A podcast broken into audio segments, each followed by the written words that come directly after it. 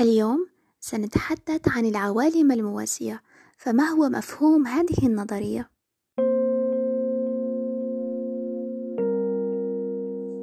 هي نظرية علمية غير مثبتة بإمكانها جعلك تسافر عبر فضاء تفكيرك والعودة بك إلى الواقع وتنص على وجود مجموعة أكوان بالإضافة إلى كوننا وأننا لسنا وحدنا في هذا العالم وقد تتشابه الأكوان أيضا فمن الممكن وفي كون مختلف هنالك كواكب ونجوم ومجرات ومجموعات شمسية وأيضا كائنات حية.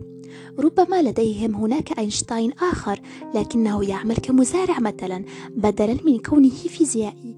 وهناك شخصا مثلك أيضا لكنه يختلف اختلافات بسيطة عنك فربما هو أكثر سعادة منك. تدخل في هذه النظرية العديد من الجهات والمصادر منها الخيال العلمي وعلم الرياضيات وكذلك علوم الفيزياء ولا ننسى العلوم الديانية. ولكن أكثر هذه العلوم أهمية والذي أرسى دعائم هذه النظرية بين العلماء هو علم الرياضيات. تعد هذه النظرية من أكثر المواضيع الغريبة التي طرحت في مجال العلوم والفيزياء والتي لم تحصل على تأييد من جميع العلماء عندما طرحت لأول مرة. واعتبرها البعض طريق مسدود في العلم نظرا إلى صعوبة وجود دليل مادي عليها وأن كل ما توصل إليه العلماء في هذه النظرية هو مجرد حسابات رياضية ولكن في العلم الحديث ومع ظهور بعض الفرضيات التي أكدت وجود أكوان متعددة بدأت هذه الفرضية بتلقي الاهتمام من العلماء. وفي العلم الحديث كان من أكبر المؤيدين لها العالم ستيفن هوكينج فكانت من آخر الرسائل التي طرحها عن نظرية الأكوان المتوازية فكيف ظهرت الفكرة وما هي الدعائم التي أثبتتها؟ والتي جعلت العلماء يظنون أننا لسنا وحدنا أو لسنا الكون الوحيد وكيف علم العلماء بوجود أكوان أخرى بعيدة عنا بالرغم من أن الجنس البشري لم يستطع إلى الآن الوصول حتى إلى المجرات المجاورة لدرب التبانة. في عام 1900 ظن العلماء أنهم قد تعلموا كل شيء يخص الفيزياء حتى ظهر العالم ماكس بلانك وتحدث عن فيزياء الكم لأول مرة. وكانت دراسات ماكس بلانك تنافي وتعارض جميع ما توصل إليه العلماء في علم الفيزياء في ذلك الوقت ووضعت اكتشافات وفرضيات بلانك في فيزياء الكم العلم والعالم والعلماء على مستويات عميقة وقواميس جديدة غير معروفة مسبقا.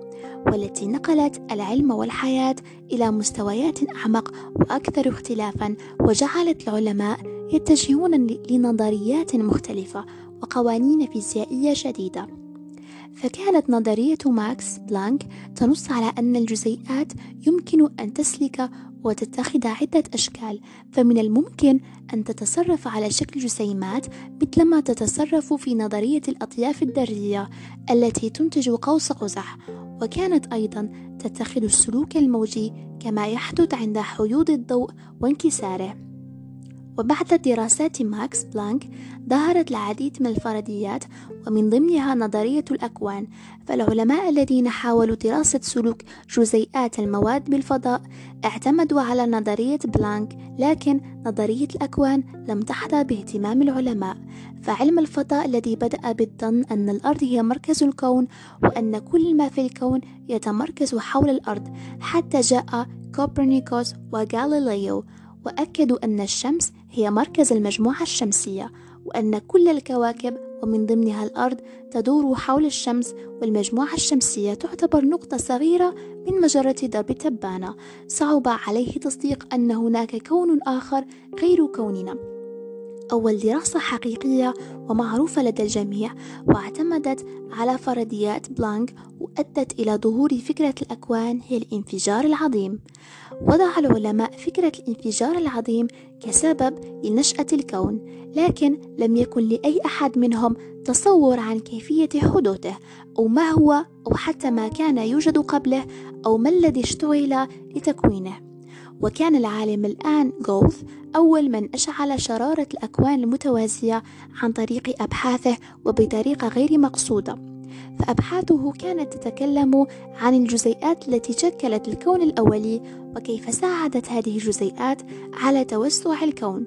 وتوصل إلى أنه بعد الانفجار العظيم هدأ الكون مما سمح للكواكب والنجوم والمجرات بتكون